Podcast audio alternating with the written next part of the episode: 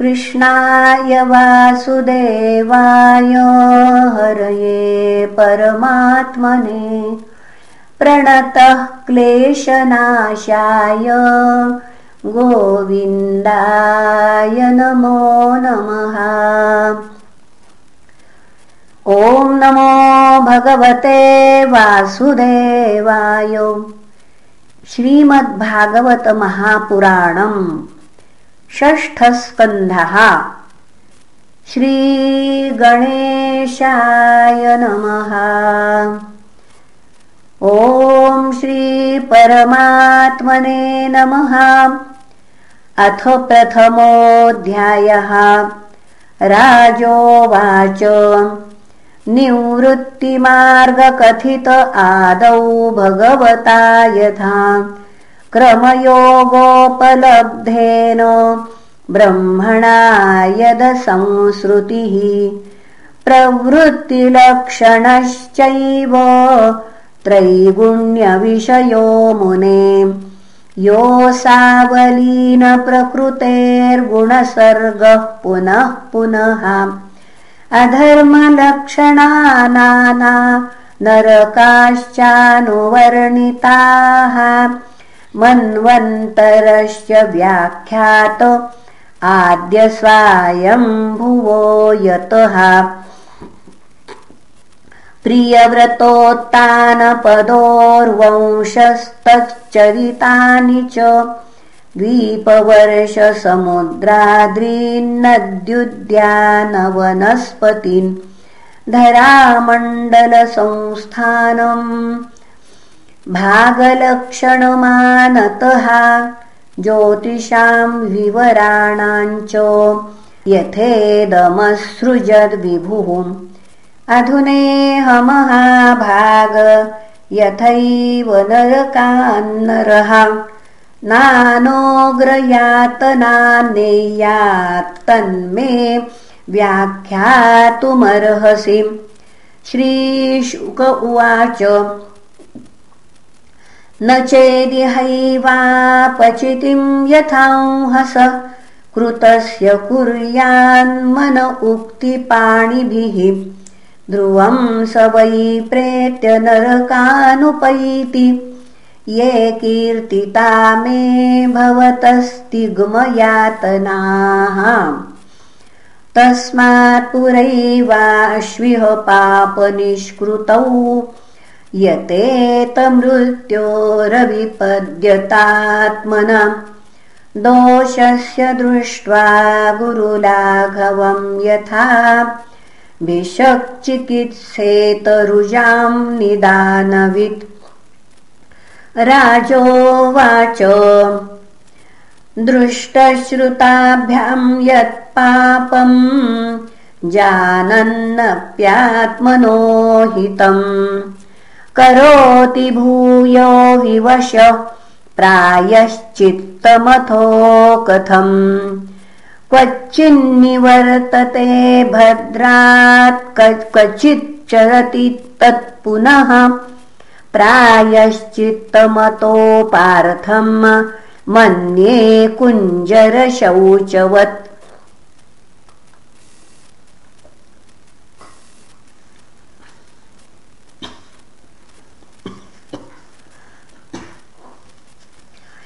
श्रीशुक उवाच कर्मणा कर्मनिर्हारो न ह्यात्यन्तिक ईष्यते।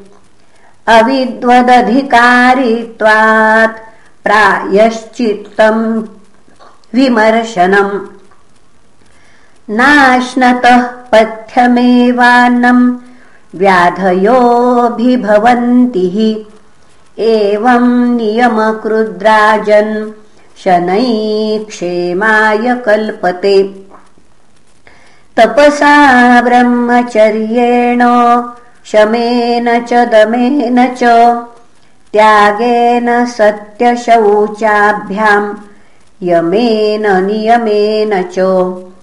देहवाग्बुद्धिजम् धीरा धर्मज्ञा श्रद्धयान्विताः क्षिपन्त्यघम् महदपि वेणुगुल्ममिवानलहाम् केचित् केवलया भक्त्या वासुदेवपरायणाः।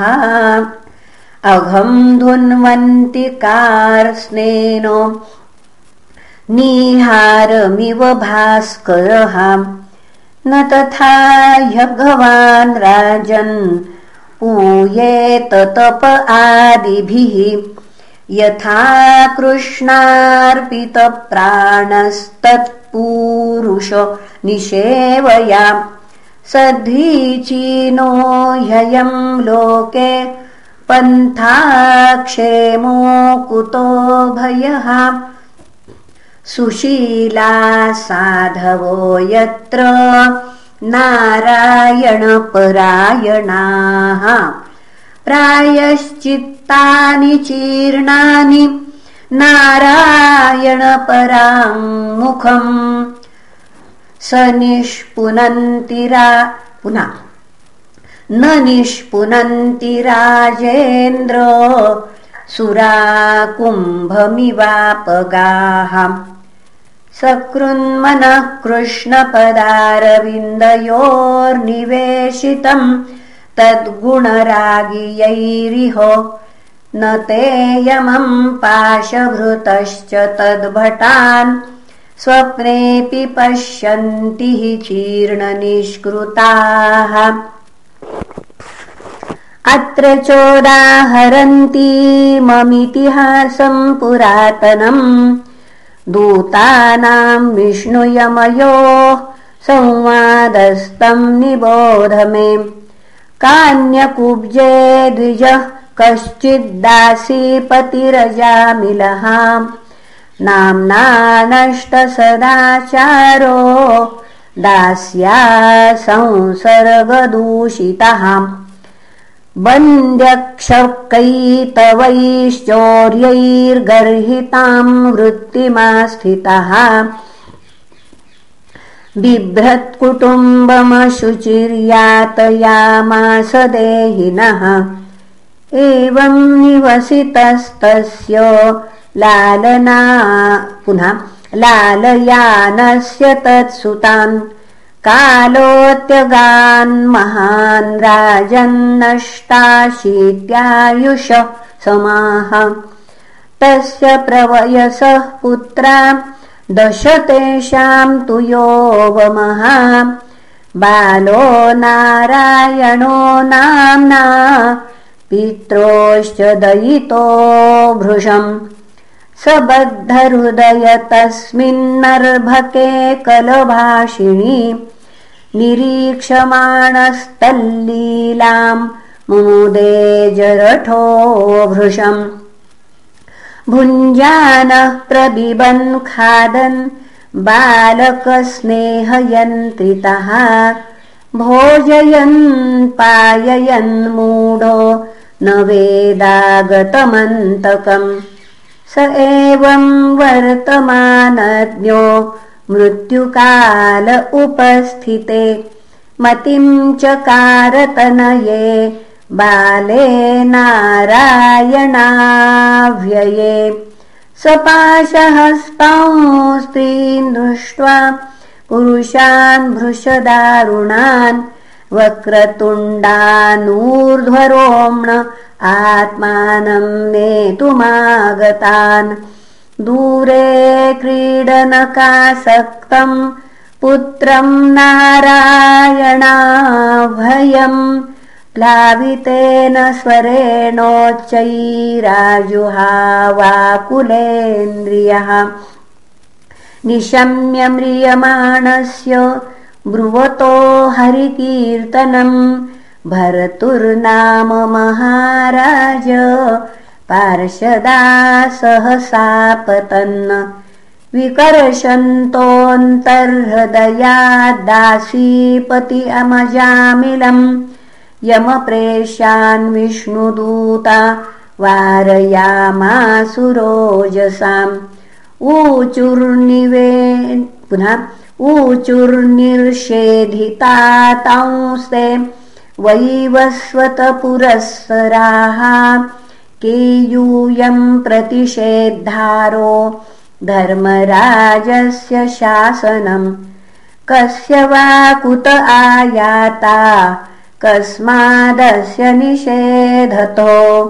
किम् देवा उपदेवा वा यूयम् किम् सिद्धसत्तमाः सर्वे पद्मपलाशाक्षाः पीतकौशेयवाससः किरीटिनः कुण्डलिनो लसत्पुष्करमालिनः।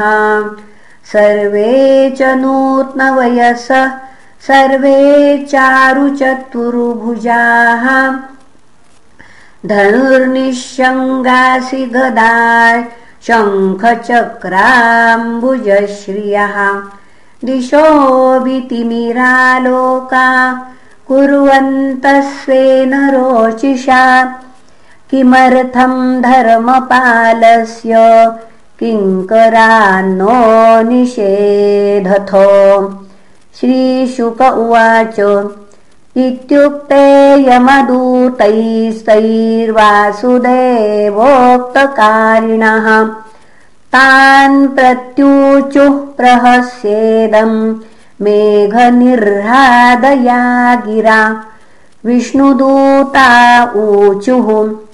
यूयम् वै धर्मराजस्य यदि निर्देशकारिणः। ब्रूतधर्मस्य नस्तत्त्वम् यच्च धर्मस्य दक्षणम्। कथमिद पुनः कथम् स्विद्धिध्रियते दण्ड? किं वास्य स्थानमीप्सितम् दण्ड्याः किङ्कारिणः सर्वे? आहोस्वित् पुनः कतिचिन्नृणाम्। यमदूता ऊचुः। वेदप्रणिहितो धर्मो ह्यधर्मस्तद्विपर्ययः वेदो नारायणः साक्षात् स्वयम्भूरिति शुश्रुम। येन स्वधाम्यमीभाव रजः सत्त्वतमोमयाः गुणनामक्रियारूपैर्विभाव्यन्ते यथा तथम्। सूर्योऽग्निः खम् मरुद्गाव सोमः सन्ध्याहनीदिशः कङ्कुः कालो धर्म इति हेते दैहस्य साक्षिणः। एतैरधर्मो विज्ञातः स्थानम् दण्डस्य युज्यते। सर्वे कर्मानुरोधेन दण्डमर्हन्ति कारिणः सम्भवन्ति हि भद्राणि विपरीतानि चानघाः। कारिणाम् गुणसङ्गोऽस्ति।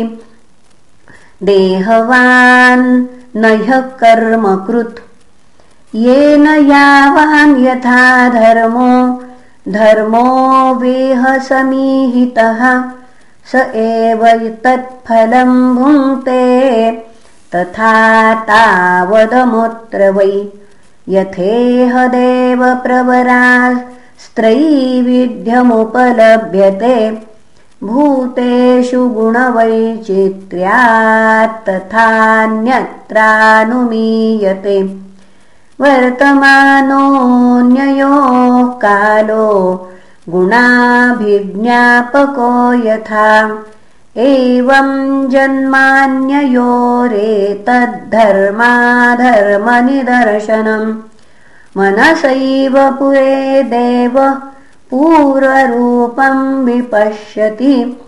अनुमिमांसते पूर्वम् मनसा भगवान्नजः यथाज्ञस्तमसायुक्त उपास्ते व्यक्तमेव हि न वेदपूर्वमपरम् नष्टजन्मस्मृतिस्तथा पञ्चभिः कुरुते स्वार्थान् पञ्चवेदाथ पञ्चभिः। एकस्तु षोडशेन त्रीन् स्वयं सप्तदशोऽश्नुते तदेतत् षोडशकलं लिङ्गम् शक्तित्रयम् महत्। धत्तेनु संसृतिम् पुंसि हर्षशोकभयार्तिदाम्। देहज्ञोजितषड्वर्गो नेच्छन् कर्माणि कार्यते। कोशकारा इवात्मानम् कर्मणाच्छाद्यमुह्यतिम् न हि कश्चित् क्षणमपि जातु तिष्ठत्यकर्मकृत्। कार्यते ह्यवशः कर्म गुणैः स्वाभाविकैर्बलात्। लब्ध्वा निमित्तमव्यक्तम् व्यक्ताव्यक्तम् भवत्युत। यथा योनि यथा बीजम् स्वभावेन बलीयसाम् एष प्रकृतिसङ्गेन पुरुषस्य विपर्ययः। आसीत् स एव न चिरादीशसङ्गाद्विलीयते अयम् हि श्रुतसम्पन्नः शीलवृत्तगुणालयः।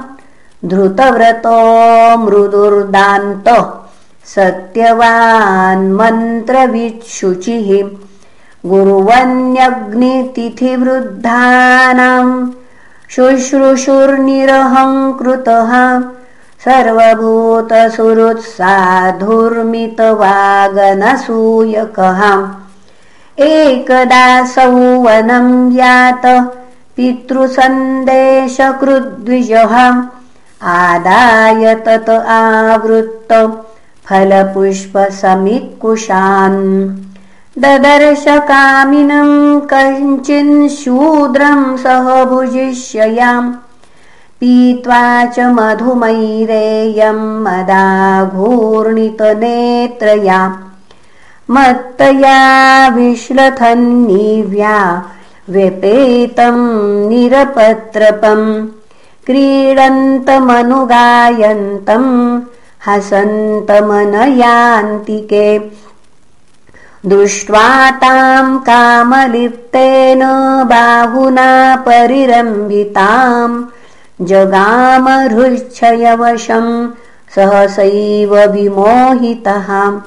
स्तम्भयन्नात्मनात्मानम् यावत् सत्त्वम् यथा श्रुतम् न शशाकसमाधातुम् मनो मदनवेपितम् तन्निमित्तस्मरव्याजग्रहग्रस्तो विचेतनः। तामेव मनसा ध्यायन्। स्वधर्माद्विररामः। तामेव तोषयामास। पित्रयेणार्थेन यावताम् ग्राम्यैर्मनोरमैः कामैः प्रसीदेत यथा तथा।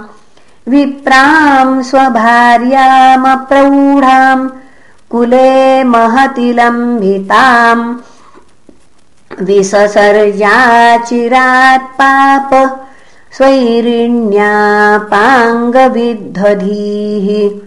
यतस्तचो पुनः यतस्तच्चोपनिन्ये नान्यायतो न्यायतो धनम् बभारास्याः कुटुम्बिन्या कुटुम्बम् मन्दधीरयम् यदसौ शास्त्रमूल्यङ्घ्यो स्वयैरचार्यार्यगर्हितः अवर्तत चिरम् काल मघायुरशुचिर्मलात् तत एनम् दण्डपाणे सकाशम् कृतकिल्बिषम् नेष्यामो कृतनिर्वेशम् यत्र दण्डेन शुध्यति।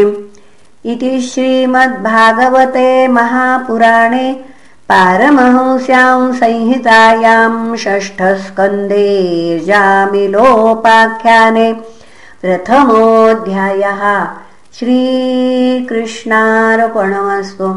हरये नमः हरये नमः हरये नमः